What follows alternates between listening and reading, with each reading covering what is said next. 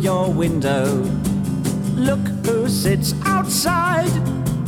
Little me is waiting, standing through the night. When you walk out through your door, I'll wave my flag and shout.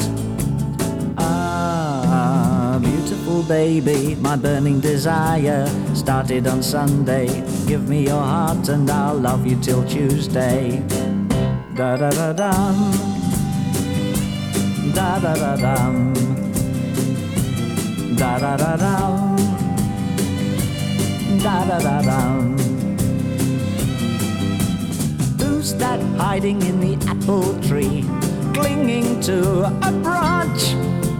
Don't be afraid, it's only me, hoping for a little romance. If you lie beneath my shade, I'll keep you nice and cool. Ah, beautiful baby, I was very lonely till I met you on Sunday. My passion's never ending and I love it till Tuesday. Da da da dum. Da da da dum.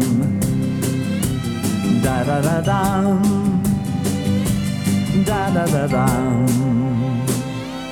Da da da dum. Da da da dum.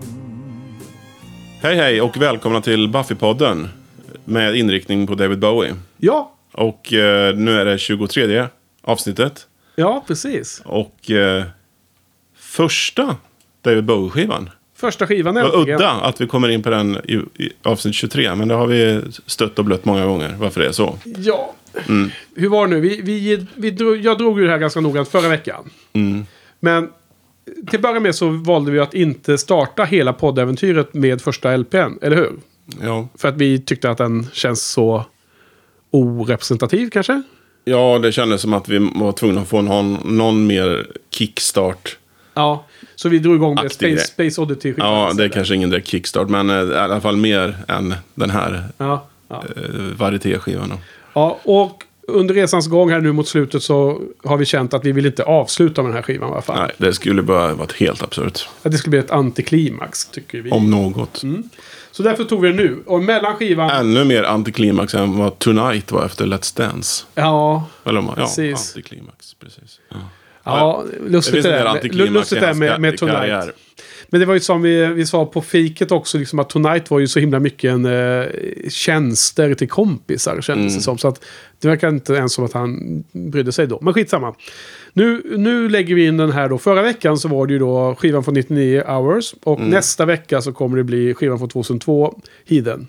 Och nu klämmer vi in första albumet som heter eh, självbetitlade LPn David Bowie. Mm. Från 1967.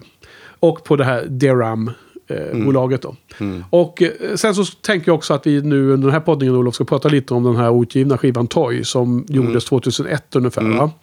Därför att det är så lustigt här att han, att han eh, dels har en, en del nya låtar men framförallt har han massor med eh, vad heter det, nyinspelningar på de här gamla låtarna från 67-68 eran. Och det var ju du som eh, tipsade mig om Toy för, inte, ja, för ett tag sedan. Och så, ja, men du har väl eh, lyssnat på den och så. Jag hade inte koll på den alls då faktiskt. Nej. Eh, men den gick ju att hitta på Bowie Station och jag drog ner den. Och den är faktiskt nice alltså, Mm. Toy. Det finns väl en risk att vi kanske pratar om den mer än den första skivan nu ikväll. Ja, det finns absolut en stor risk för det. Men vi får försöka... Ja, ja. Ja. Nej, men det är väl inte fel att prata om den. Alltså, Mm. om, den, den, den liksom finns ju inte som eh, att köpa ute i affären. Men däremot så har ju den kommit ut på många bo, bonusspår då, på andra. Ja, alltså, om, om vi ska gå igenom det noggrannare sen då. Om vi, om vi tar Toy lite mot slutet av det här avsnittet. Så, av det här poddavsnittet. Så eh, är det faktiskt så att en majoritet av låtarna tror jag till och med. Som är med på den skivan. eh, har letat sig ut till... till and, alltså släpps då som B-sidor och bonus-CD och allt vad du sa va? Men, men vi ska börja med, med debutalbumet då. då. Så vad, hur, ehm, är det någonting du hade när du eh, var ung och lyssnade på Ja. Bowie på 80-talet eller? Absolut. Eh, det hade man ju. Det, ja, liksom, det fanns ju en uppsjö. Jag tror inte jag hade just den här som heter David Bowie. Men det fanns ju en uppsjö sådana här olika eh, gråzonsmarknadsskivor med alla de här tidiga låtarna i massa olika varianter. Och, Ja, så här samlingsplattor ja, från, precis. den, eh, från de här liksom eh, 66 till 67. Och så och så. varenda gång då det var någon stor Bowie-hype så gavs de här skivorna ut igen då. Och de skulle tjäna några snabba dollars liksom på de här skivorna då. Ja, men tror du inte att det eh, är lite så att det här skivbolaget, han fick ju kicken efter den första plattan, för den sålde ju så himla dåligt. Mm. Men sen har de väl liksom smitt sitt guld då i efterhand då Mm. och släppt den om och om igen i olika versioner. Eh, jag hade inte den här första LPn på bra länge, kommer jag ihåg. Mhm. Så det var någonting som jag plockade upp ganska sent. Och jag tror inte heller att jag någonsin har ägt den här själva originaldebut-LPn på LP. Utan jag har haft någon av de här eh, Ja, nej, precis. The World of David Det har ju inte Bowie. varit intressant för den har ju varit så jäkla udda. Man är, det, är bara, det var som skämtlåtar. Nej men precis. ehm, försöka hitta här nu då. Äh, skitsamma vad de heter. De, de heter ju vad de heter liksom. Mm. Ehm, Ja, men de har, du menar de här skivsamlingarna eller? ja, vad Ja, men de det har alltid varit liksom, heter. det är Complete, Early Bowie, det är allt möjligt vad de Ja. heter. här då. ehm, så uh, den kom ju 67 och uh, 40, kan det varit 40 eller 50 årsjubileet? Nej, 40 årsjubileet måste det varit. Så släpptes den här nu då i en deluxe edition som eh, två CDs. Där eh, första CDn innehåller hela LPn i mono och sen alla låtarna igen i stereo. Det här klassiska 60-talet där det finns monoversionen och stereoversionen som Ja. är välkänt i, i Beatles-kretsar annars. Just det. Vilket är det bäst att höra Beatles på? Mono eller stereo? Ja, men alltså de första är överlag, de första fyra ska man väl kanske ha mono. Eller de absolut de två första är definitivt mono. För där är det så udda stereobild med musiken i ena kanalen och rösterna i andra. Och det blir väldigt konstigt då. Men sen tycker jag nog från och med tredje så är det nog stereo man ska ha. Är det? Från och med Hard Day's Night då. Jo, det tycker jag. Alltså, de släpptes ursprungligen i mono, gissar jag. Ja, ända, det var ju ända upp till till och med uh, egentligen Sgt. Pepper som mono 67. var det framträdande då. Ja. Eh, på tal om eh, trivia-info som är lite lustigt är att den här skivan, Bowies eh, första skiva, den släpptes väl samma dag som Sgt. Pepper tror jag. Där då. Ja, det är lite kul. Det var ju eh, en liten eh, tuff utmaning kanske för en ny artist som inte hade slagit igenom ens och så vidare. Okej, men, eh, men eh, jag måste bara återkomma till det. För jag, jag köpte ju den här Beatles-boxen med stereoutgåvan och tycker att de här um, tidiga skivorna är helt absurt mixade med stereoljudet. Vem, vem har bestämt att det skulle vara så? Vem, vem har gjort detta katastrofala beslut? Nej, men det, alltså, det, jag tror det var så att de här två första, det var ju mono som, som gällde. Och sen spelades de ju in på Twin Track. De hade bara tvåkanals bandspelare på de två första. Ja. Det var ju från och med Hard Day's Night det blev fyrkanals. Så det var inte så mycket de kunde göra med stereo. Ja, men förutom att man kan mixa ihop det bättre och göra lite, lite av ljudet. Man, man kan göra Ja. det mer utjämnat. Mer Ja, ja. Mm. halv, halvlikt mono. Fast ändå lite stereo i, Jo. effekter i det hela. Jo. Nej, det var ju inte helt eh, liksom separerat. Det, det, det var ju lite ihopmixat. Ja, men alltså... För, för lyssningsbarhetens skull så Mm. borde de ju inte ha gjort det så, så extremt stereo-ljud. Nej, men blev. sen finns det många sådana här, jag vet inte om det är skrönor, men det var ju att de ville ha en väldigt extrem bild och för att de skulle um, stereobildas och för att eh, det skulle verkligen låta som stereo på de här eh, 60-talsutrustningarna då de hade. Där man hade kanske eh, högtalarna ganska nära varandra och så. Då. Ja. Men Men- det är mycket snack, men jag tror det var nog mono egentligen där som gällde. Ja. Så, Så man de skulle brydde sig inte så mycket om stereo. Man skulle vilja ha en box med eh, alla skivorna i sin ultimata format. Då, då, När det gäller en CD-box med Beatles-katalog egentligen. Mm. Ja, skitsamma, vi, vi skippar det. Eh, åter till Bowie då, så eh, hur kom vi in på detta? Eh, jo, just det. I den här eh, 40-års eh, specialedition då så har de både mono och stereo. Jag, jag hör ingen större skillnad Nej. faktiskt. Så, att det, i det här fallet var det skitsamma.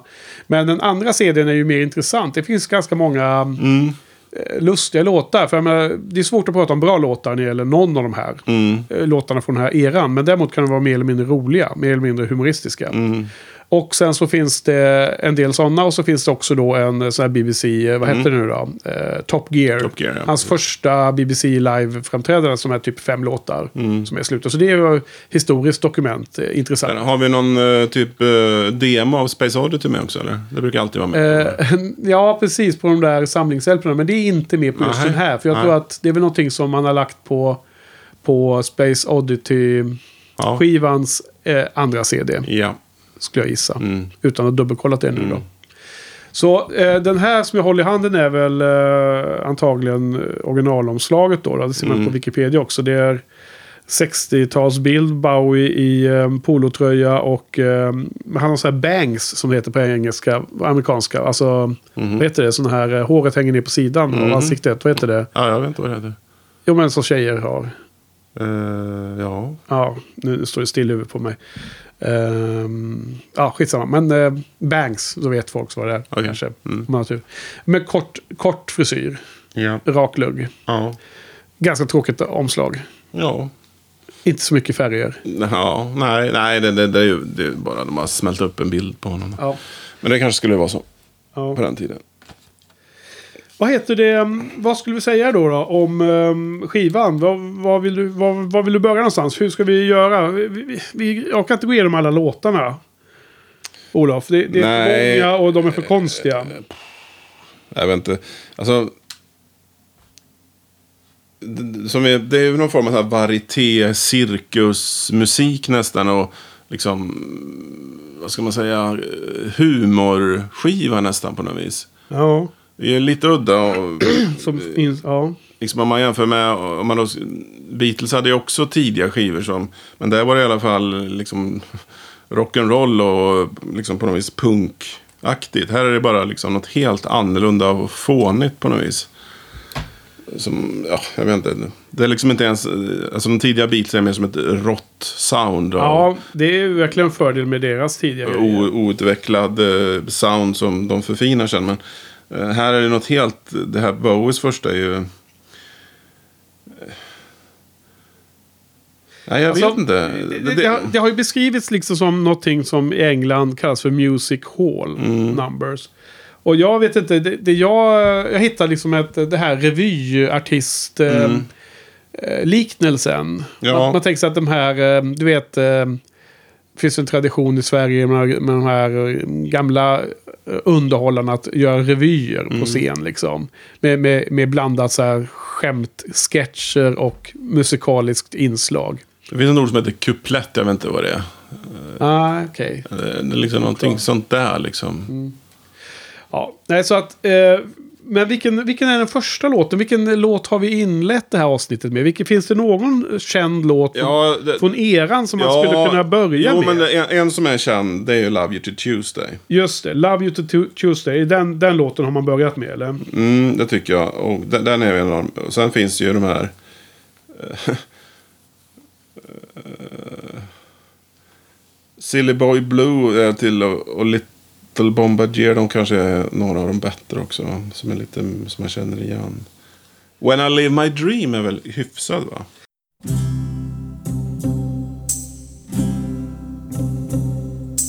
When I live my dream, I'll take you with me, riding on a golden horse. We'll live within my castle with people there to serve you, happy at the sound of your voice. Baby, I'll slay a dragon for you or banish wicked giants from the land. But you will find that nothing in my dream can hurt you. We will only love each other as forever when I live my dream. When I live my dream, I'll forgive the things you told me and the empty man you left behind. It's a broken heart that dreams, it's a broken heart you left me. Only love can live in my. Eh, When I live my dream är väl den som handlar om barn. Han har ju en fascination för det barnet. Och det står om det här på Wikipedia. Att han liksom definierar barn som ett eget folkslag liksom. Och sen man blev vuxen så har man bytt liksom eh, sort. Och han återkommer till det i flera av de, de tidiga skivorna ju. Eh, det perspektivet. Och det finns väl någon av skivorna vi nämnde ju det också. Det var ju evigheter sedan vi pratade om... Eh, ja, om det är Hunky Dory eller om det redan var på Space Oddity-skivan. Att det finns någon skiva som en uppföljning till den här When I Live My Dream. Kommer du ihåg det att jag nämnde det? Det var något jag hade läst i någon, typ i Pegsboken och sånt där. Så, någon av låtarna på de andra? Ja, någon av de första eh, Ja, okej. fyra poddningarna. Mm. Så refererade till att det här var en låt som ansågs vara som en fortsättning på When I Live My Dream. Cooks? Nej. Fasen vad dumt. Jag skulle kollat det här innan. För nu, nu kommer jag på det mitt under poddningen här, lyssnarna. Så att jag är ledsen. Mm. Det blir förvirrat nu. Men de som har superskarpt minne kommer väl ihåg när det nämndes på poddningen för länge sedan. Det, det får vi förutsätta. Det är liksom 20, 20 avsnitt sedan. Mm. ja, men ändå. det är sånt man inte glömmer. Jag- skulle vilja säga att... Eh, jag tycker att Rubber Band är väl en låt man skulle kunna spela. Den är ganska Ja, men den är- den är representativ Ja, från den här skivan. är- det, det, det känner ju nästan alla Bowie-fantaster till. Rubber Band. Liksom. Ja. Så att eh, det är kanske någonting man, man kan lyfta från, Mm. från LPn så att säga. Och, och den är för övrigt också på första sidan då. Det här med att det, både Love You To Tuesday och Rubber Band är ju med där då. Och även då When I Live My Dream. Ehm, eller om jag blandar ihop det med There Is A Happy Land. Var det den kanske? Mm. Oklart Olof. Men vi spelar eh, Rubber Band i alla fall. Så, så kör vi av den.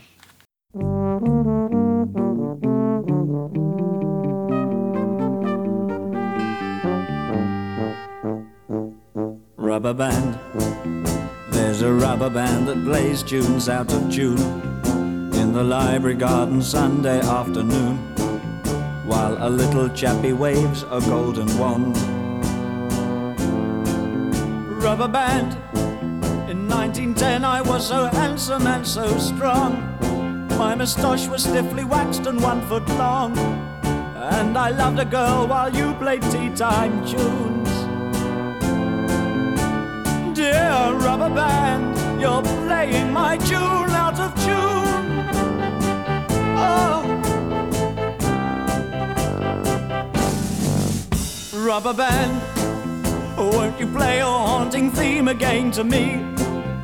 While I eat my scones and drink my cup of tea. The sun is warm, but it's a lonely afternoon.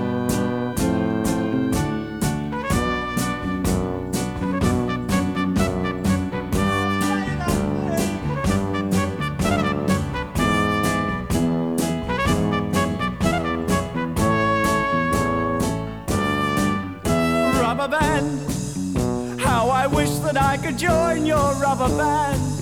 We could play in lively parks throughout the land. And one Sunday afternoon I'd find my love.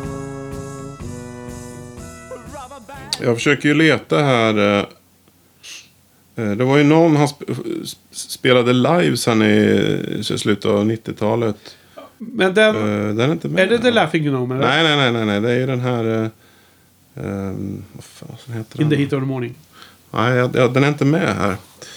Ehm, ja, jag kanske kommer, jag kommer på det sen. Men den är faktiskt väldigt bra i nyinspelning. Så. Men, men när är det han spelat den live? Jag tror det var, kan det ha varit 99 eller var det 2001 eller 2000? Det var, nej, det var nog 2001 där.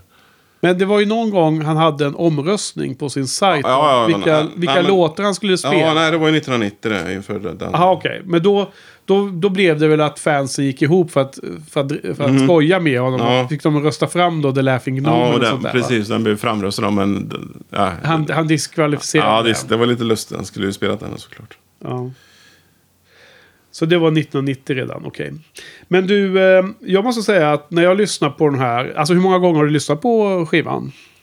Eh, jag tror det är två eller tre gånger. Ja. Jag- Så det är inte de här 12 gånger Nej, som jag, du har- gjort jag med vissa tidigare? det. Nej. Jag, beklagar. Har du hört den här andra CDn från 2010 Deluxe-utgåvan? Nej.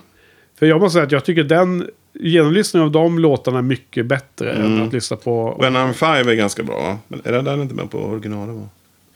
Jag jag tycker för att representera den här, eh, alla de här extra låtarna så tycker jag vi måste spela lite av The Laughing Gnome. Mm. Den, den kan vi köra nu till och med. Mm.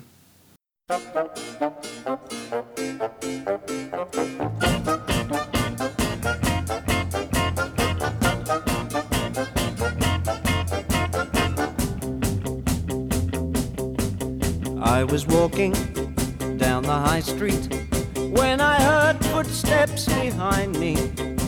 And there was a little old man in scarlet and grey chuckling away.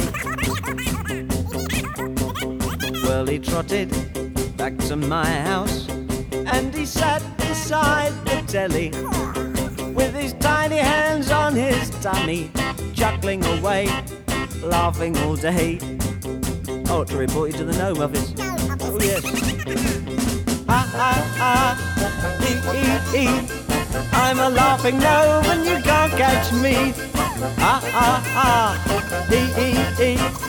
I'm a laughing gnome and you can't catch me. Said the laughing gnome.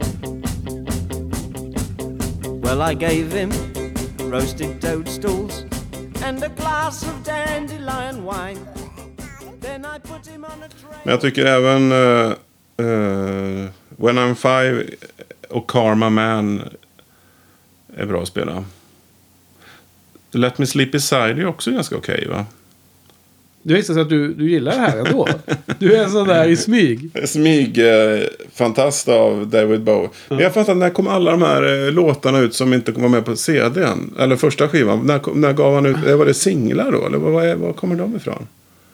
Jag har inte läst på det. Det är ju det är ganska stort, det är ett stort material här tycker jag ändå.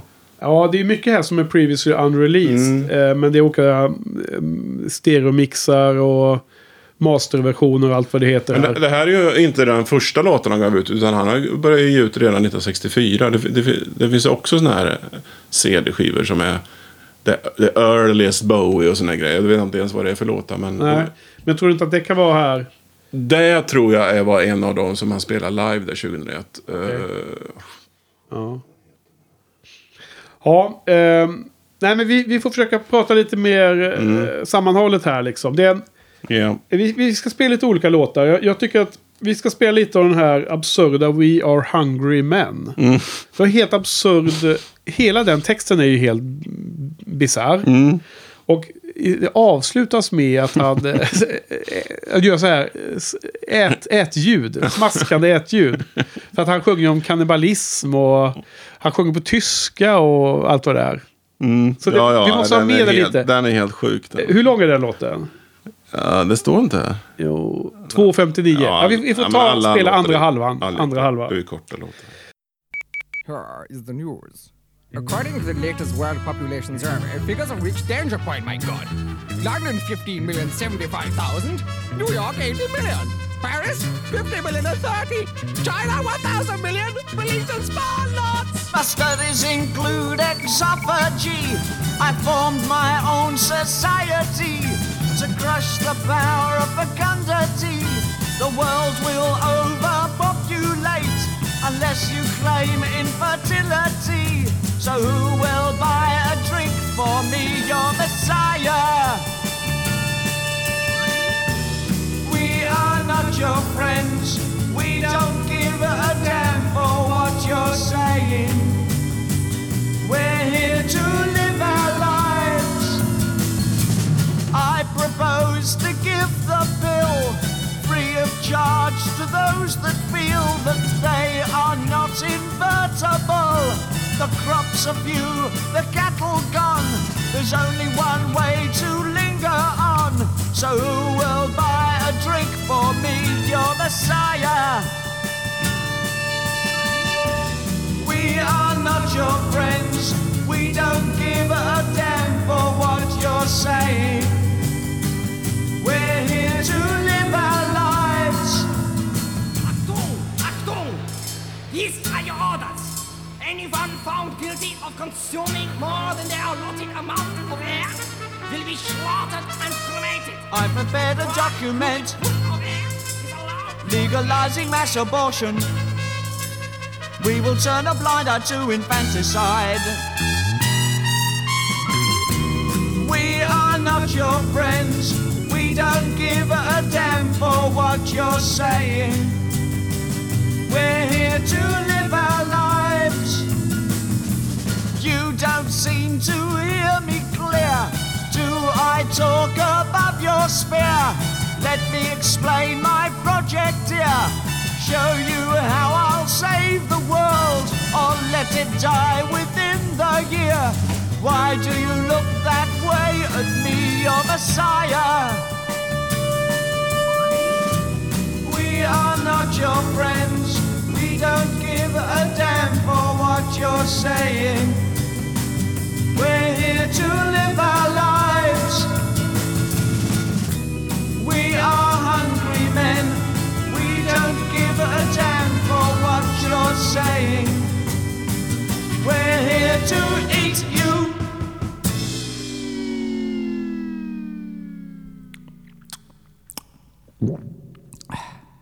Så att, så att vi måste egentligen exemplifiera det, det insanity av den här Men den här skivan. låten, Come and buy my toys. Ja. Jag har ingen aning om hur den låter. Jag, Nej. jag kommer inte ihåg den. Men, men liksom bara titeln. Ja. Vad, vad är det för sätt att...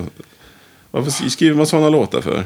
Alltså, det, det är ju eh, på Wikipedia här så har de ju liksom gjort massor med jämförelser med, med, med influenser helt enkelt som han har haft med sig in. Och de jämför med Tommy Steele och uh, the, some of the more whimsical and British material by Ray Davis from The Kinks. De, de nämner igen Syd Barretts eh, galna sådana här nursery rhymes som är eh, vaggvisor va? Från tidiga Pink Floyd. Eh, Syd Barrett var ju bara med på första Pink Floyd-LPn. Sen så ballade han ju ur. Och de jämför till och med med Beatles låt Being for the benefit of Mr. Kite. Ja, Och den är väl lite cirkusmusik över den också va? jo visst. Jo men så är det väl. Mm, eh, Så är det kanske. Mm. Så hans manager hette Ken Pitt. Mm. Han ville att Bowie skulle bli en allround entertainer istället för en rockstar. Mhm, Och eh, ja.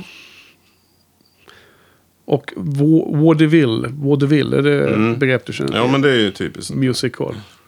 Nej, så att han visste nog inte själv riktigt vad han varken ville eller kunde här, Bowie. Eh, några av de låtarna som jag i dimman har lyckats plocka upp som, som några som jag tycker är lite lustiga att lyssna på. Olof, se om du håller med. Är Gospel according to Tony Day. Tyckte jag var okej. Och When I Live My Dream, Let Me Sleep Beside You och In the Heat of the Morning. Ja, In the Heat of the Morning skulle tänkte jag lyfta upp också. Där kanske vi ska avsluta hela avsnittet med. Det var en av de låtarna han spelade in på nytt till ett Toy. Ja, just det. Ja, nej, men vi kanske ska kö- köra den nu då.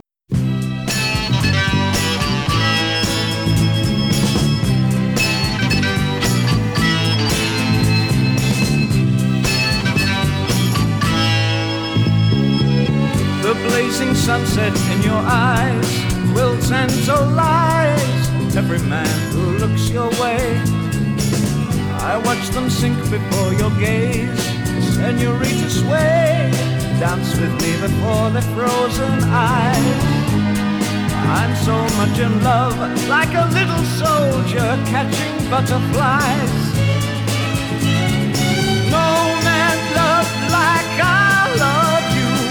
You like to love me too? In the heat of the morning, in the shadow, I'll clip your wings, and I'll tell you I love you. In the heat of the morning.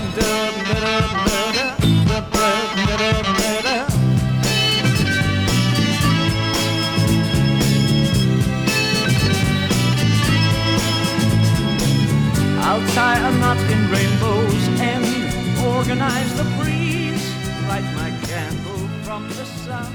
Men du, alltså, jag, jag känner mig otroligt oinspirerad av att prata om den här skivan. Vad, vad är det man kan säga egentligen? Det är udda, det är konstig style, den, den katt bland hermel... Vad heter det? Katt bland hermelinerna, säger man så eller? Ehm, eller säger man tvärtom? Nej, det gör man inte. Nej, det är man inte. Ehm, nej, men så då är egentligen den här skivan Toy roligare. Ska vi, ska vi prata lite om den? Eller vad, vad har vi på Toy? Berätta. Vad är det för något? Ja, alltså. Eh, det är ju en del, ett, ett par, är det en, två eller tre låtar som kommer med på Heathen sen. Den eh, skivan som kom 2002 Ja. heter Heathen, ja. Ja, och det är ju då uh, Uncle Floyd är ju med på den här Toy då. Den Mm. heter Slip Away sen. Och sen är det ytterligare en då, som är på Heathen. Jag kommer inte ihåg vad den heter men. Jo, men eh, kan vi inte ta lite mer generellt först? Alltså, det här är ju en skiva. Toy spelades in 2001 och den läcktes ut till internet 2011. Mm. Sju år sedan. Och han har då alltså börjat med att eh, tänkte släppa den här men, men scrappa den idén och sen så spelar de in vidare och så blev det Heathen. Som släpptes 2002. Det här nu låter det som att det är Bowies beslut. Och det jag har läst är ju att skivbolaget vägrade släppa den. Ge ut den. De, de vill inte... Hits ses- sessions led him to Heathen. Okej, men då ska vi se nu då. Ehm, ja, okej. Ja, han ville släppa den men skivbolaget sa tvärnej av någon anledning. Okej. Vilket kanske inte är så konstigt. Skivbolag, de, det är kronor och ören och det... Men är det de som be- bestämmer eller? Ja, men alltså det där är en intressant fråga. Det har jag tänkt på flera gånger. För det, skivbolagen har tydligen väldigt mycket makt. Eh, det är kanske inte är så konstigt, men eh, det har de, även i andra Bowie-fall har de ju... Vad är det för exempel på det? Jag tycker det finns fler Vadå, exempel, med av vad då? När, när, de inte, när de inte velat ge ut hans skivor. Okej. Ehm, Ja. Ja, men det finns, det, till exempel, det finns ju exempel med George Harrison. Där de refuserade hans skiva som heter Somewhere in England 1981. Okej. De sa nej, det här ger vi inte ut. Du måste byta ut fyra låtar. Jaha. Jag menar, det är ändå en ex-Beatle liksom. Ja. Men den, den skivan finns väl? Den finns ja, men han var ju tvungen att spela in fyra andra låtar. Jaha, okej. Lite mer trallvänliga låtar. då. Men blev det bättre då? Ja, jag tycker det blir bättre. Men... Eh, så att skivbolaget har oftast rätt då, för de, de, de ser ju bara kronor och ören liksom. De, ingen sentimentalism. Ja, Ja, men men man alltså- tänker så här, hur kan de vägra ge ut en skiva med David Bowie? Men det säljer inte, allting säljer inte. Jag kommer ju, det går ju inte att undvika att tänka på när Neil Young hade ju bytt eh, skivbolag där i någon gång, kan det ha varit, början av 80-talet. Mitten på 80-talet till, eh, det stod still i huvudet på mig. Jo men David Geffen. Han är ju omtyckt och så i musikbranschen har jag förstått. Och eh, oftast på artisternas sida. Men hans skivbolag eh, signar ju Neil Young. Och Neil Young där precis i, i början på 80-talet så hade han ju en del motflytt. Han fick ju två barn eh, med, med allvarliga sjukdomar. Och hade liksom jätteproblem hemma vid om man säger så. Det var mycket kämpande med det och barnen kunde inte prata och sådana saker. Och han, han liksom hade issues. Så han började liksom producera skivor som var orepresentativa. Och 1983 så blev han ju stämd av Geffen Records för att han gjorde orepresentativ musik helt enkelt. Så där, där eh, var det ju inte så att skivbolaget gick in och sa nu måste du göra de här andra låtarna som låter som mm, Heart of Gold. Liksom. Utan det blev- slutade med istället att efter 83 så gjorde ju, gjorde ju Neil Young en, eh, en ren rockabilly-skiva som heter Rock'n'Roll som är som typ så här mindre än 20 minuter totalt. Bara, bara för att bli, bli av med det sista LPn som skulle släppas enligt det kontraktet så han kunde gå tillbaka till sitt gamla skivbolag. Då. Och, och, och sen så var det först 89 när han kom med eh, eh, skivan eh, eh, Free, med Freedom, vad det nu heter, eh, som han kom tillbaka i The Limelight och blev, var, var bra igen. Härligt. Jo, men, Ja. jo, men så det händer ju inte alltid att skivbolaget har den makten att kunna bestämma så över en artist. Så att jag blir lite förvånad att Bowie skulle vara en sån som, eh, Ja. som då 2001. Men han kanske inte var, hade den tyngd då som krävdes för att kunna stå emot en sån beslut. Kan det inte varit så att Outside också... För vi pratade ju om den här specialgrejen av Outside, Leon Takes You Outside. Som var helt... Ja. Jag menar, någon så här pre, förlaga till Outside som Ja. inte går att lyssna på alls. Nej, men det är 95 det. Ja, det är inte fan. Jag tänkte om det kan då också att, varit de, någon... att de fortfarande var arga på dem. Nå, men eh, att, att det skulle vara det här andra exemplet jag tänker på. Ja. När de vägrar ge ut. Mm. Okej, vilket fall som helst så var det då en blandning av eh, mindre kända låtar från 60-talet och sen en del ny, ny, nyskrivet. Mm. Det är ju... Eh, Men alltså, har du läst någonting? Vad, vad var liksom tanken med den här Toy?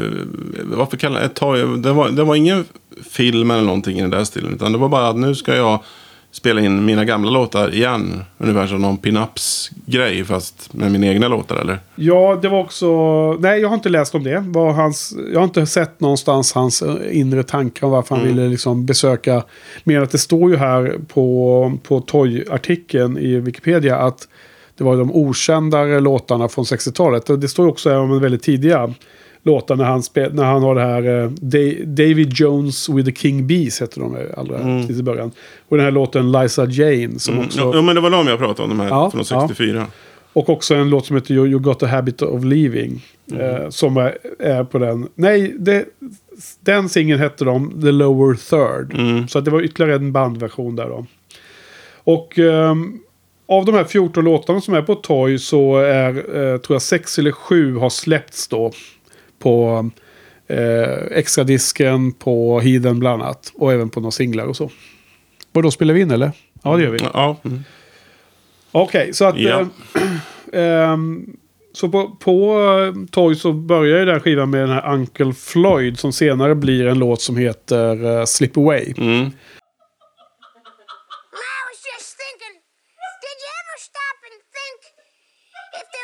An Uncle Floyd show, what everyone on the show would be doing? Why, Oogie, I think about that all the time. I was thinking about it. Take Skip, for instance. He wouldn't have anything to worry about. He he always had a good job as a radio announcer, and he he would have been in showbiz anyway. How about Muggsy?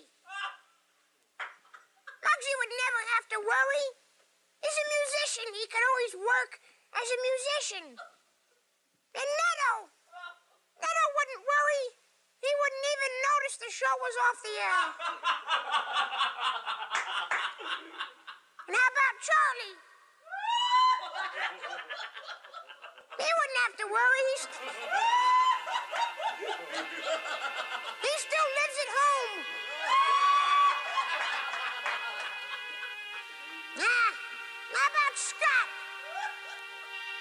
But he would sit home around the house all day and wait till silent movies came back. And I was thinking, thinking about you, Uncle F. What would you do?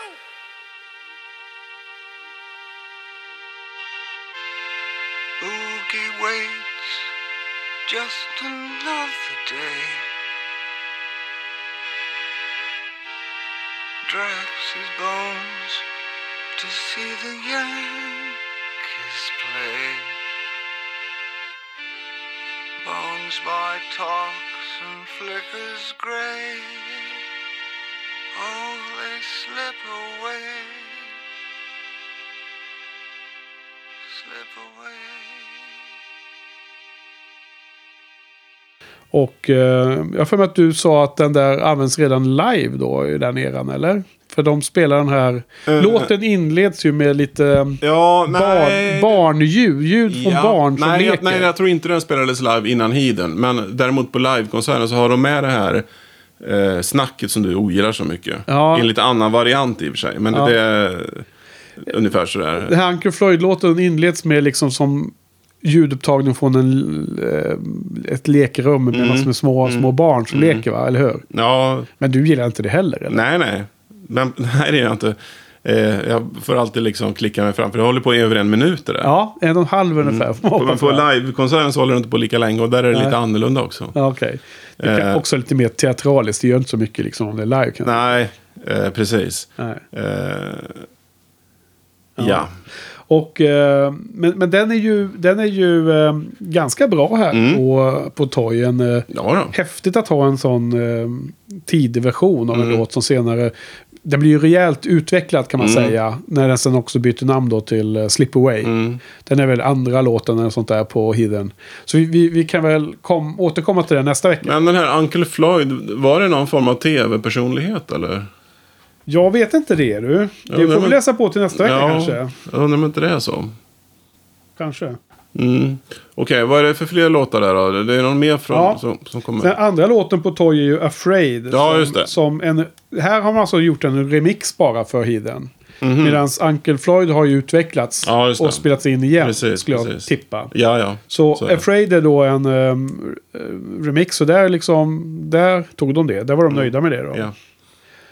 Och sen är det då eh, tidiga saker, två låtar. Och sen kommer ju den här Conversation Piece, du vet, Mm. som var från 1970.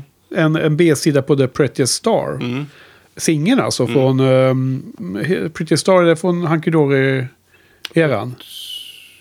Den är väl på Hunky Dory va? ja, det måste det väl vara. Så att Conversation Piece är ju en kul eh, grej. Ja, den, den är riktigt bra här. Och den är också med på Hiddens bonusskiva. så så Ja. alltså den har man ju hört liksom. Okej. I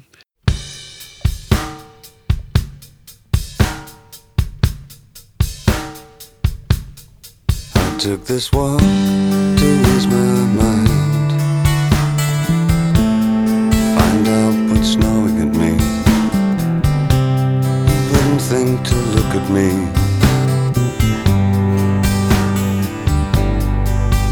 That I spent a lot of time in education. All seems so long ago.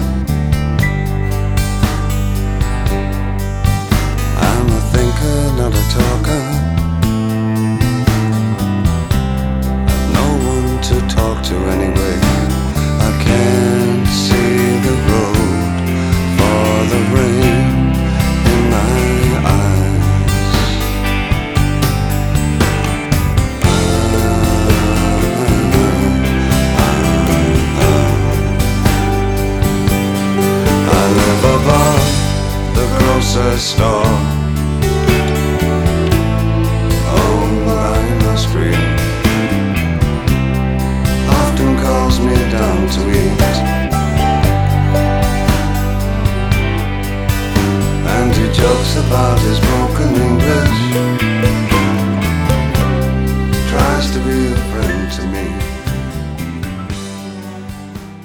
Let Me Sleep Beside You är en jättegammal låt. Mm. Men eh, den var med. The World of David Bowie som var en av de här compilations. Ja, just det. Den Men det, den har jag. The Ja, World of David ja. Bowie. Ja, men det är typ här klassisk titlar på alla de här Ja, skivorna.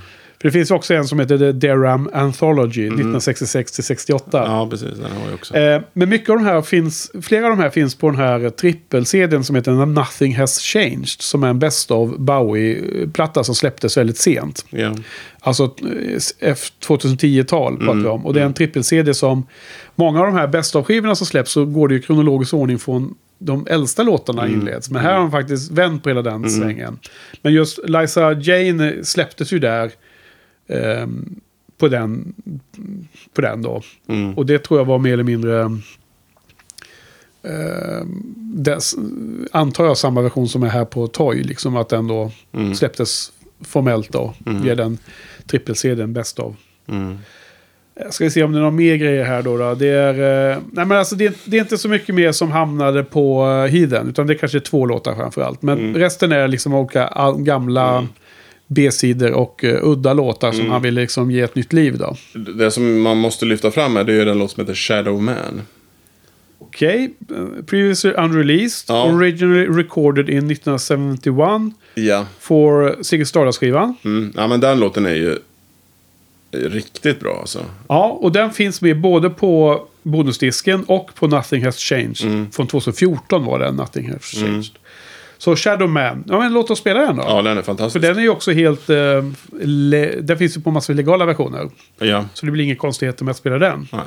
Shadow- Shadowman, Shadowman kommer här. Önskad av vår lyssnare Olof.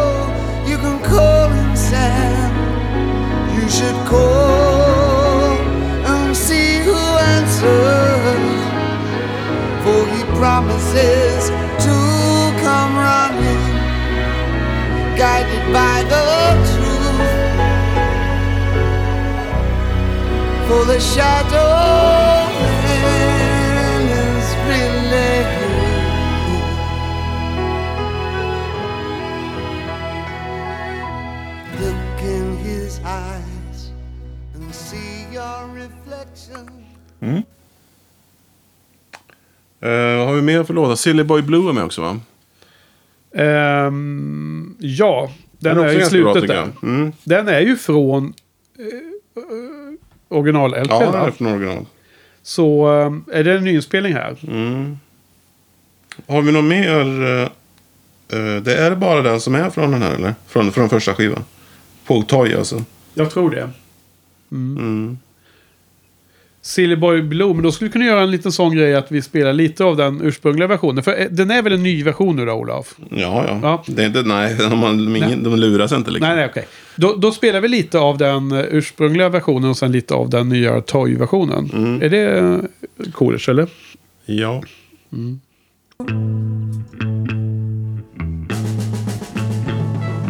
yak butter statues that melt in the sun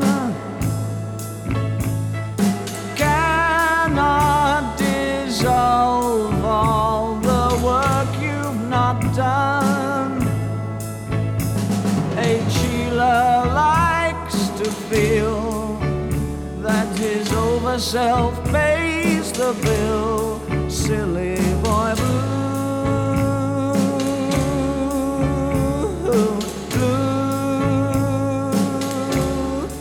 silly boy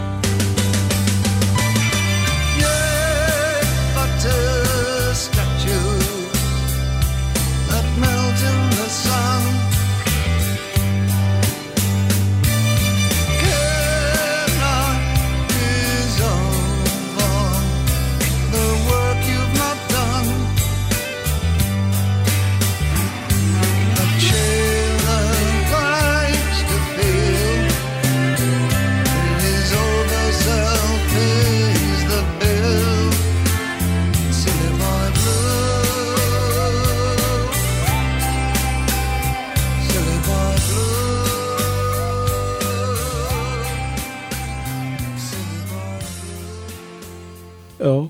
Så är det. Okej, nej men, Toy. men uh, Toy, är- eh, det är kul att hitta lite sådana här lost album. Ja. Det är ungefär som Su- Buddha of Suburbia. Det Ja. är också lite lost. Ja, och Toyer känns ju som att man lättare sätter på och lyssnar på. Den är mycket modernare i sin ljudbild och de har en del nya låtar och en mer intressanta 60-talslåtar i sina nya sättningar än att lyssna på den här gamla LPn. Och ska man lyssna på den gamla så ska man nästan lyssna på den här bonusdisken, tycker jag. Man har ju en del... eh, Okej.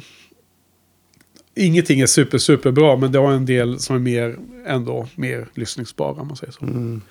Ja, nej, alltså jag, jag vet inte, jag känner mig ganska urlakad på att eh, försöka förstå vad, vad som hänt. Jag menar, det är väl den här managern, och han har drivit på och, och Bauer har gjort den här skivan. Eh, han fick ju då sparken från det skivbolaget, det blev ingen bra grej. Och det tog ju två år innan han kom med en ny skiva. Eh, Ja. Och då, då vet jag bland annat, jag måste leta fram det på YouTube, för man har ju läst att han, när han då eh, gjorde den skivan som också fick heta David Bowie, eh, ytterligare en skiva med samma namn, eh, som innehöll Space Oddity. Då sökte han ju nytt kontrakt ju. Så han var ju ute liksom och sålde sig själv då. Då gjorde han ju någon form av eh, medley, alltså en video med eh, lite medley på sina låtar. Och inklusive en väldigt tidig version av Space Oddity om jag nu har förstått det här rätt. Så det ska finnas, hoppas jag, att hitta på YouTube. I så fall så lägger jag upp den länken då.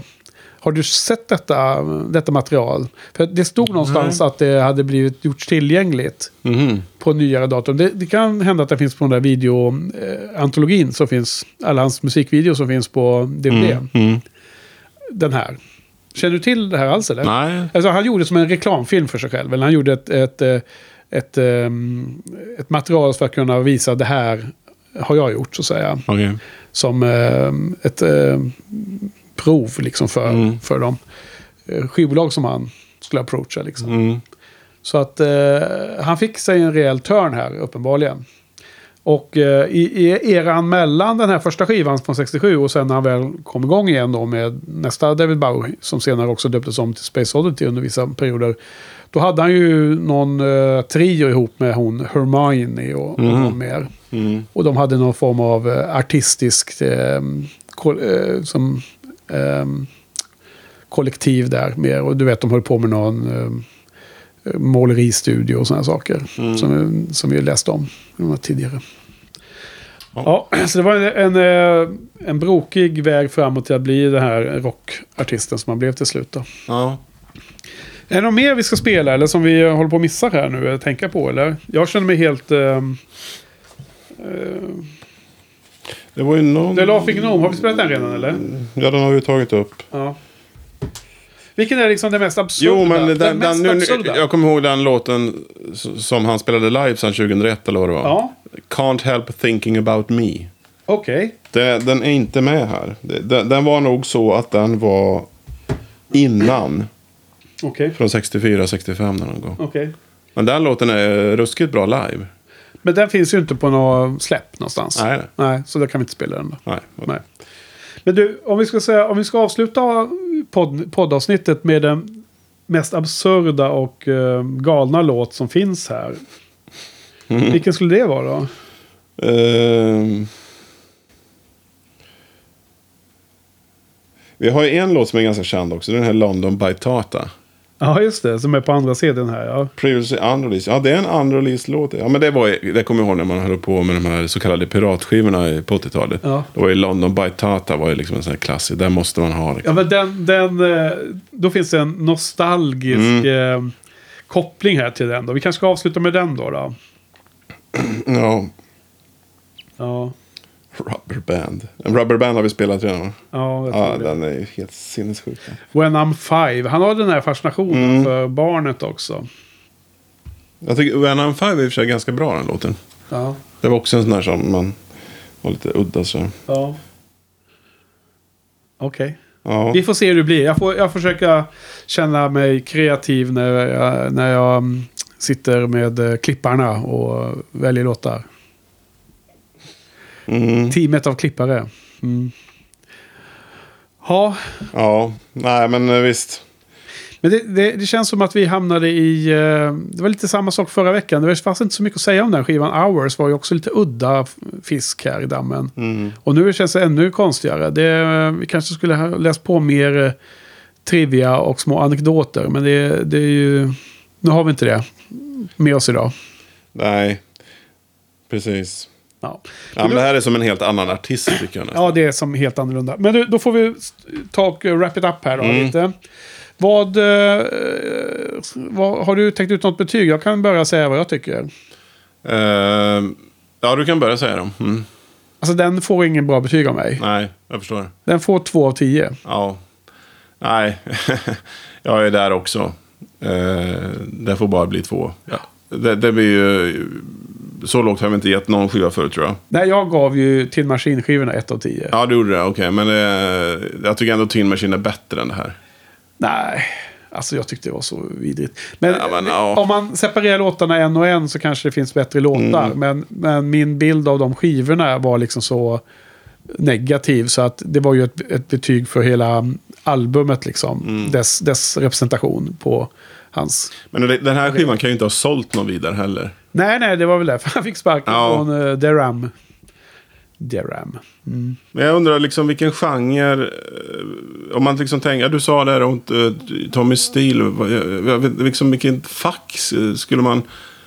Fanns det någon annan sån här musik? Liknande musik? Du pratade om Being for the Benefit of Mr. Kite med Beatles där. Men det är ju inte alls liksom samma nivå. Nej, men alltså när man, när man ser de här begreppen music hall och en sån här eh, all-around entertainer så tänker man någon form av liksom eh, brittisk variant av eh, eh, det lokala danshaket med någon form av ehm, eh, musikalisk eh, tradition som är före rocken slår igenom.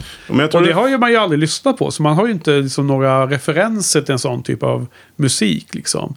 nej, men jag, jag tror det fanns en viss, någon sån här skämt genre i England framförallt. Jag tänker på till exempel eh, Paul McCartney hade en bror som hette Mike McCartney som hade något band. De, de hade också, spelade också in den här typen av låtar tror jag.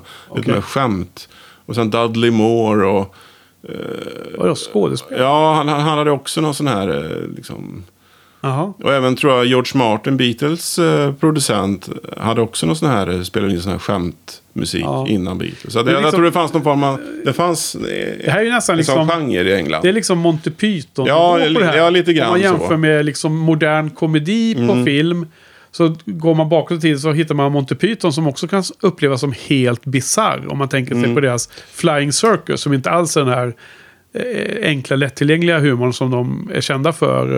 Eh, eh, De sketcher de är mest kända för är kanske mer lättillgängliga än vissa av sakerna i The Flying Circus om du har sett det. Mm. Eh, Det är riktigt bisarrt en del liksom. Och det är samma sak. Här är det så samma variant fast inom musikvärlden känns det som. Men jag måste säga att det finns ju sån här, eh, jag, menar, jag tänker på Björn Rosenström, den här svenska gö göteborgaren som, som gör skivor som är lustiga texter. Eh, Men det är ju otroligt bra låtar. Eh, Så det blir en helt annan grej. Det, där är liksom, det, är inte, det här är ju låtarna helt kassa också. Det är ju helt absurda låtar tycker jag.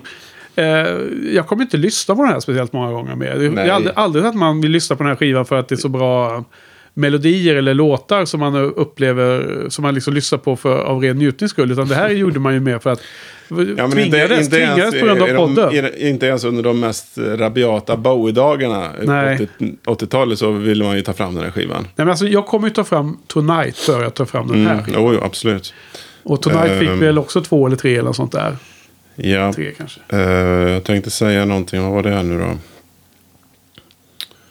Nej, nu glömmer jag kanske bort det. Men det, det är lite grann som eh, liksom om Nils Poppe. Eh, Nils Poppe på engelska liksom på något vis. Ja. Kanske. Nej, Jag vet inte. Ja, kommer du ihåg han? Eh, Jo, men nu kommer jag på vad jag skulle säga. Ja. Eh, I min jakt på Bowie-video så dök jag på någon helt jäkla absurd kortfilm som han var med i. Som måste ha varit från den här tiden. Ja, spelfilm. Ja, någon form av spelfilm då. Ja. Där han, det slutar med att han blir knivhuggen. Okej. I någon jäkla eh, liksom, trapp, i en trappuppgång eller ja, någon form av trappa eller något i något hus. Jag kommer inte riktigt ihåg vad den handlade om, men det var någon helt jäkla sjuk film. Den har inte du sett eller? Nej, den var svart, svartvit. Okej, men var han, var han på något uh, mentalsjukhus då? då? Ja, jag, jag kommer faktiskt inte riktigt ihåg, men eh, på något vis så blev han knivhuggen i alla fall. Ja. Det var ganska så här, eh, inte så här explicit scenes, men, Nej. eh, men det var ganska så här eh, udda eh, Ja, men jag tror att film. en annat sån här begrepp som har stått i de här artiklarna om den här första skivan det är ju avantgarde. Ja, just det. Precis, det var någon film. Det- Av- Avantgarde var det verkar som den lilla kortfilmen Ja, kan vara inom den ja genren. a- avantgarde. Ja. Helt klart avantgarde. Ja.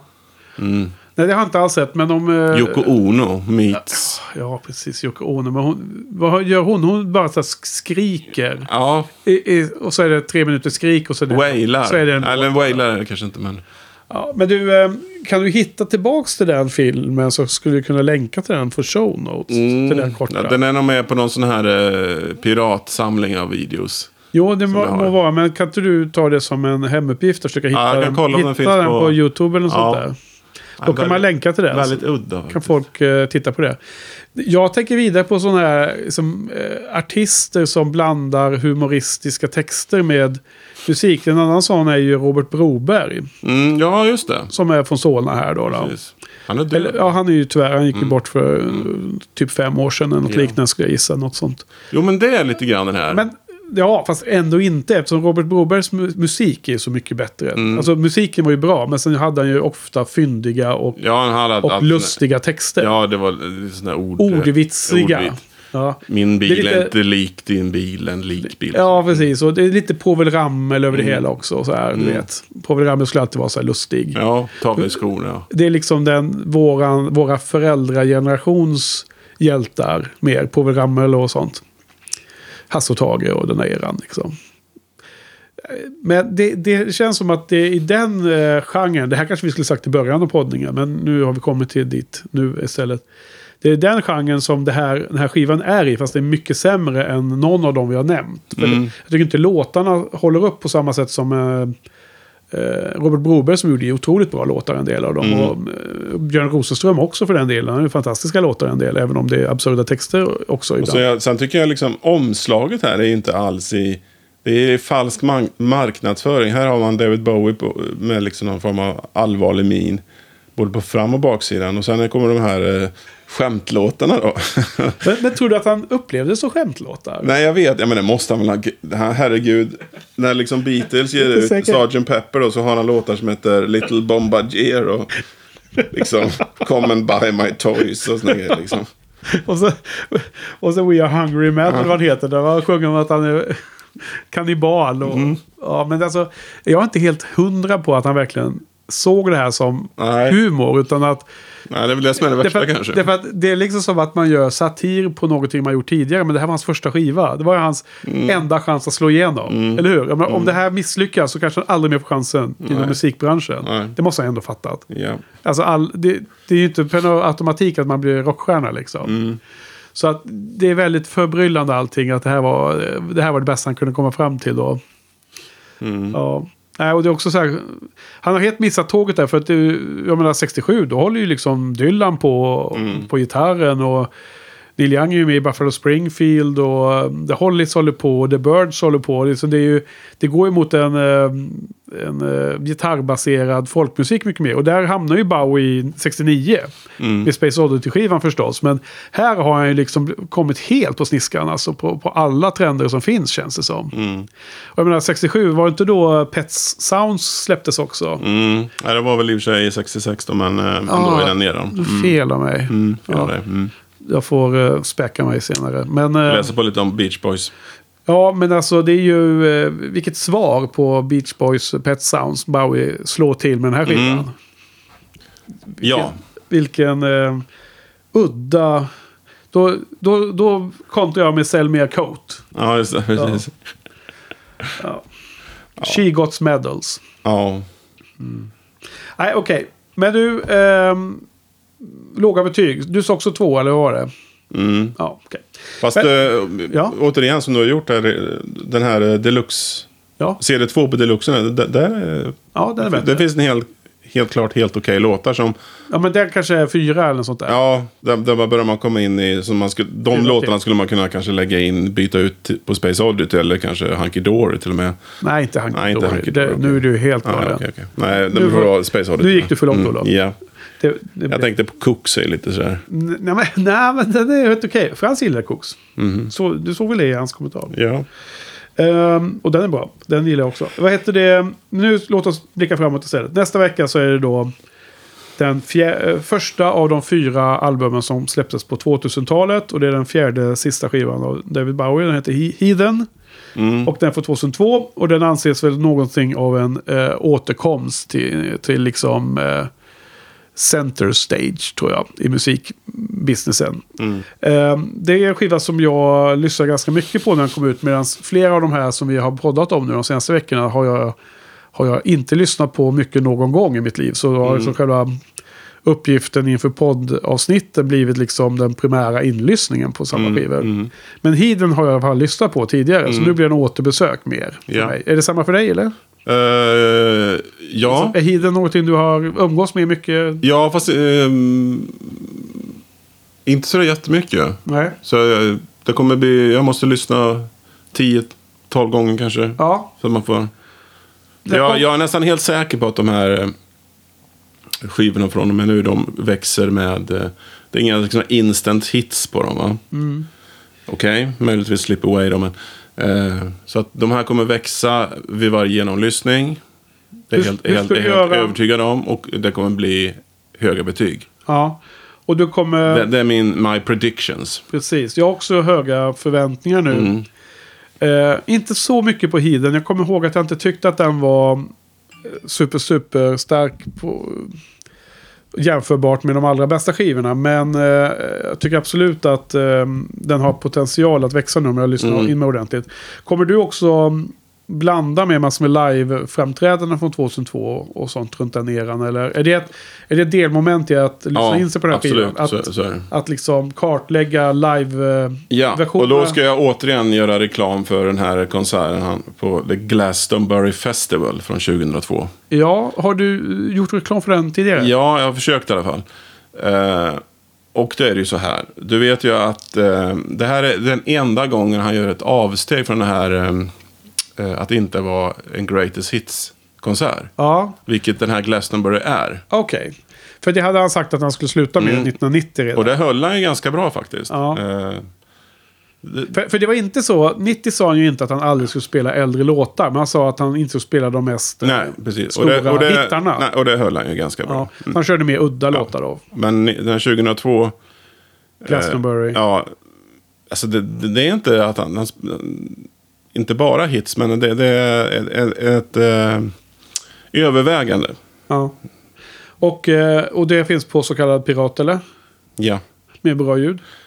ja perfekt. ra- radio. Så kallad soundboard. Ja, eller radio. Och det är lite lustigt är också att han ser ju precis ut som han gjorde på originalomslaget till The Man Who Sold the World på den här konserten. Han hade den här... eh, Långt hår. eh, Långt hår eh, och den här klännings... Ja, han hade kanske inte Men klänning. vänta nu, är bilden på, på bootleggen verkligen tagen från den konserten? Då? Ja, ja, från den konserten. Okej, okej. Han ser nästan Det är identisk fine. ut. Alltså det finns ju...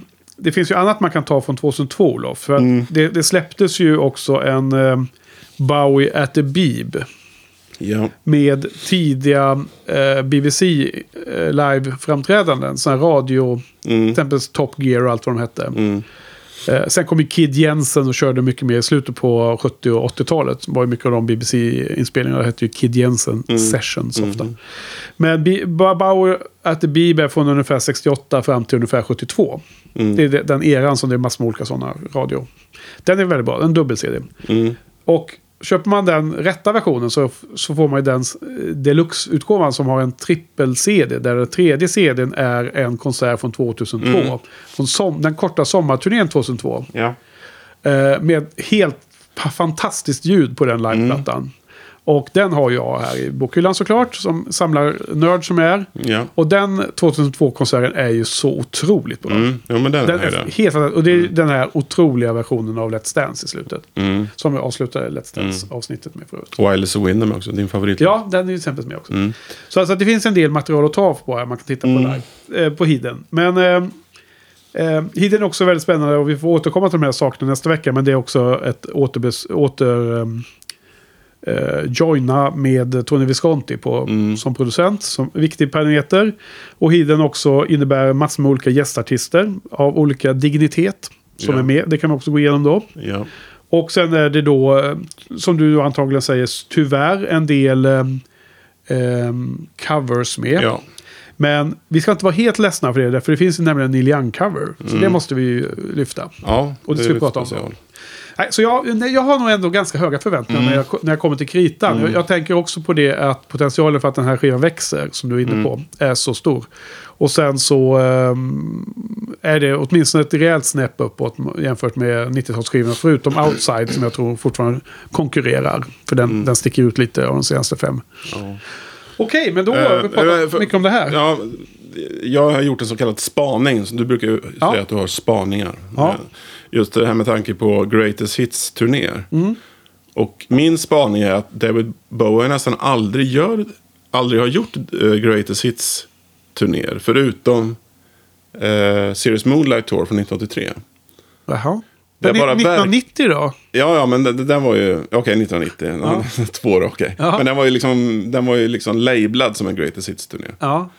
Eh, eh, och, och vi har liksom lurat, vi har tyckt att det var Greatest Hits-turnéer allihopa. För att det är liksom, de här låtarna han spelar, 78, alla Ja, Low och de, Hero. är, de är ju som hits. De är som nu. hits. Men då var de ju nya. Och det var samma sak. eh, De andra turnéerna också. 76 då var det mycket Station to Station. 74 var ju Diamond Dogs. Ja. Ja, och så 73 var ju Sigge, ja. Aladdin Sane. Ja. Stämmer det här eller är det bara skitsnack? Eller? Om man jämför med andra artister. De allra flesta artisterna promotar ju den svenska skivan med sina turnéer. Mm. Och, eh, vilket ofta innebär att man ser konserten och så tycker man att de nya låtarna är tråkigare för man vill höra mycket av de äldre låtarna. Mm. Eh, det är ju väldigt, väldigt vanligt. Men Ja. det är inte alla artister som gör så. Men Dylan tror jag inte gör så. Och Neil Young, min, min husgud, gör inte heller så. Mm. Neil har ju haft konserter på turnéer efter plattor som har inte spelat en enda låt från den nya skivan. Vilket jag tycker är jättekul. Mm. Ehm, så, så det är inte hundraprocentigt. Men de allra flesta gör ju så. Och det är väl liksom, ligger en sak na- natur. Man måste sälja nya skivan liksom. Man ska tjäna pengar. Ehm, och då gör det att man tar bort liksom konceptet med greatest hits. Då blir det liksom sista tredjedelen blir liksom hittarna och sen extra numren. Liksom så här. Och jag vet inte riktigt. Eh, personligen så tycker jag att man eh, uppskattar artister som faktiskt ehm, väljer ut mer spännande saker än att bara liksom köra det allra nyaste. Kan jag tycka. Ja, och ja. Så jag vet inte. Eh, Jag besvarade din fråga. Vad, vad var din fråga egentligen? Eh, Det är Som att det var vanligt att man hade ja, om... eh, om greatest hits. ja, att, att, eh, om man ser Paul McCartneys kon- konserter nu för tiden. Då är det ju kanske 80% gammalt och Ja, men- 20% nytt. Så det blir en greatest. Då blir det en greatest hits. Och så har ju väl de senaste McCartney-turnéerna varit ända sedan 1989 egentligen. Att det är ett, ett, Men han är också en specialcase för att hans Beatles-katalog är ju så Mm. otroligt mycket mer eftersökt av publiken än hans solomaterial. eh, den här eh, s- svenska guldgossen eh, Bruce Springsteen då. ja. Eh, han kör väl också mest hits liksom. Jag tror han kör mycket gammalt, ja. Ja. Eh, ja, men vad är frågan? Eh, frågan var ju om Bowie sticker ut, han, att den är annorlunda. I och med att han på de flesta turnéer har, har kört väldigt mycket nya låtar. Som 78 mycket Low Heroes, 76 mycket Station to Ja, Station. men jag vet inte. Jag, det är svårt att göra den kopplingen. För jag tror att Springsteen också körde mycket av sina nya grejer när han körde på 70-talet. Mhm. Men hur, hur, hur hade Bowie gjort idag liksom? Menar, hans sista turné var ju 2003-2004. För sen Mm. fick han en hjärtattack och så fick han vila efter det. Men hur var den turnén då? Var det mycket nytt eller var det mycket gammalt då?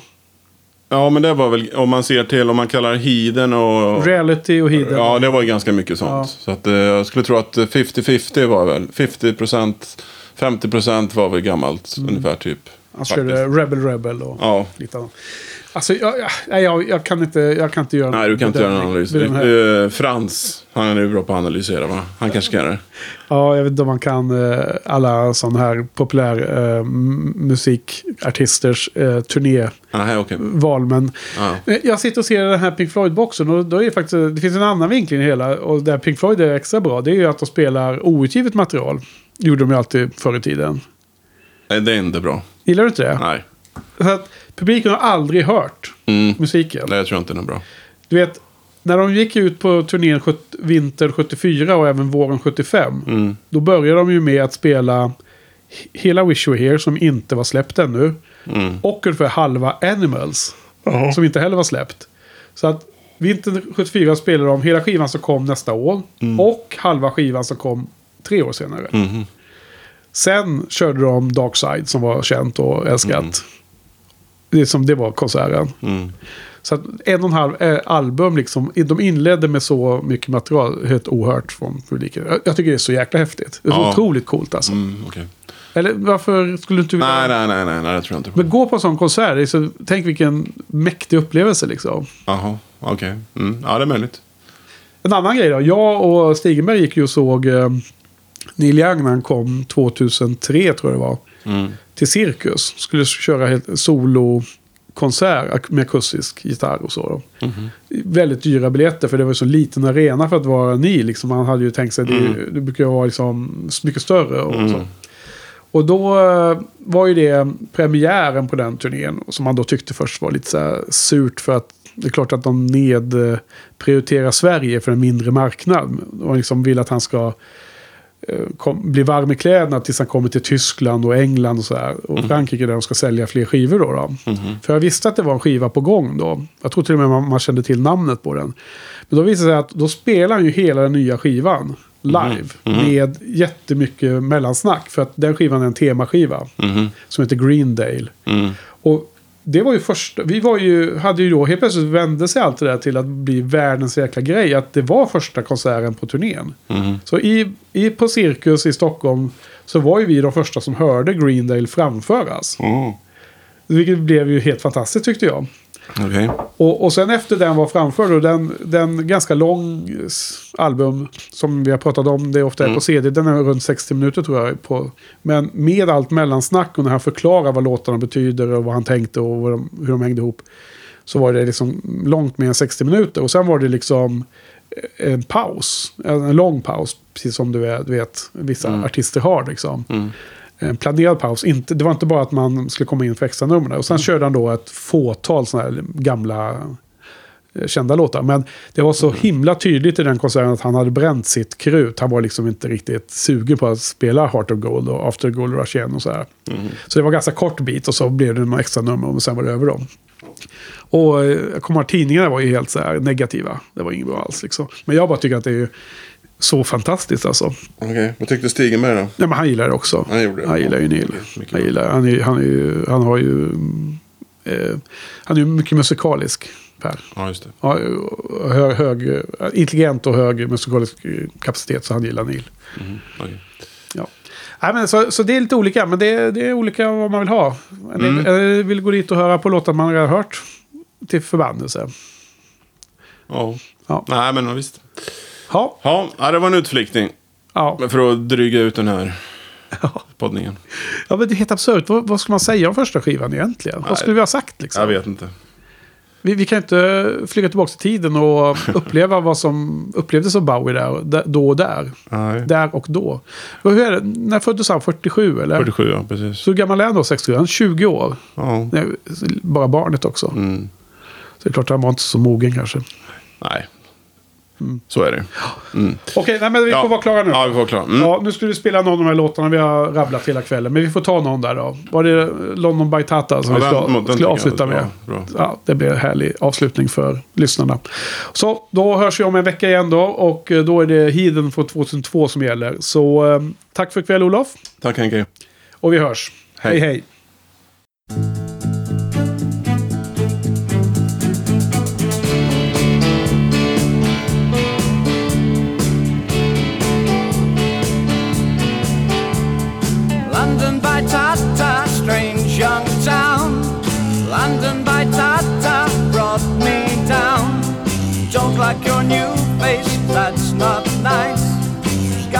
Go far, far. London by Tata. G,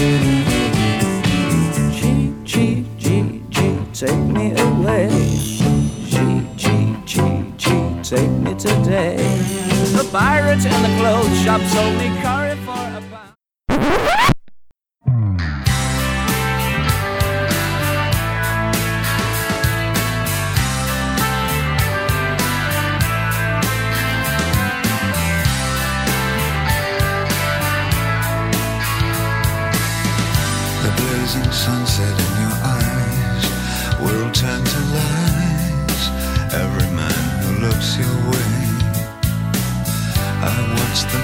before your gaze.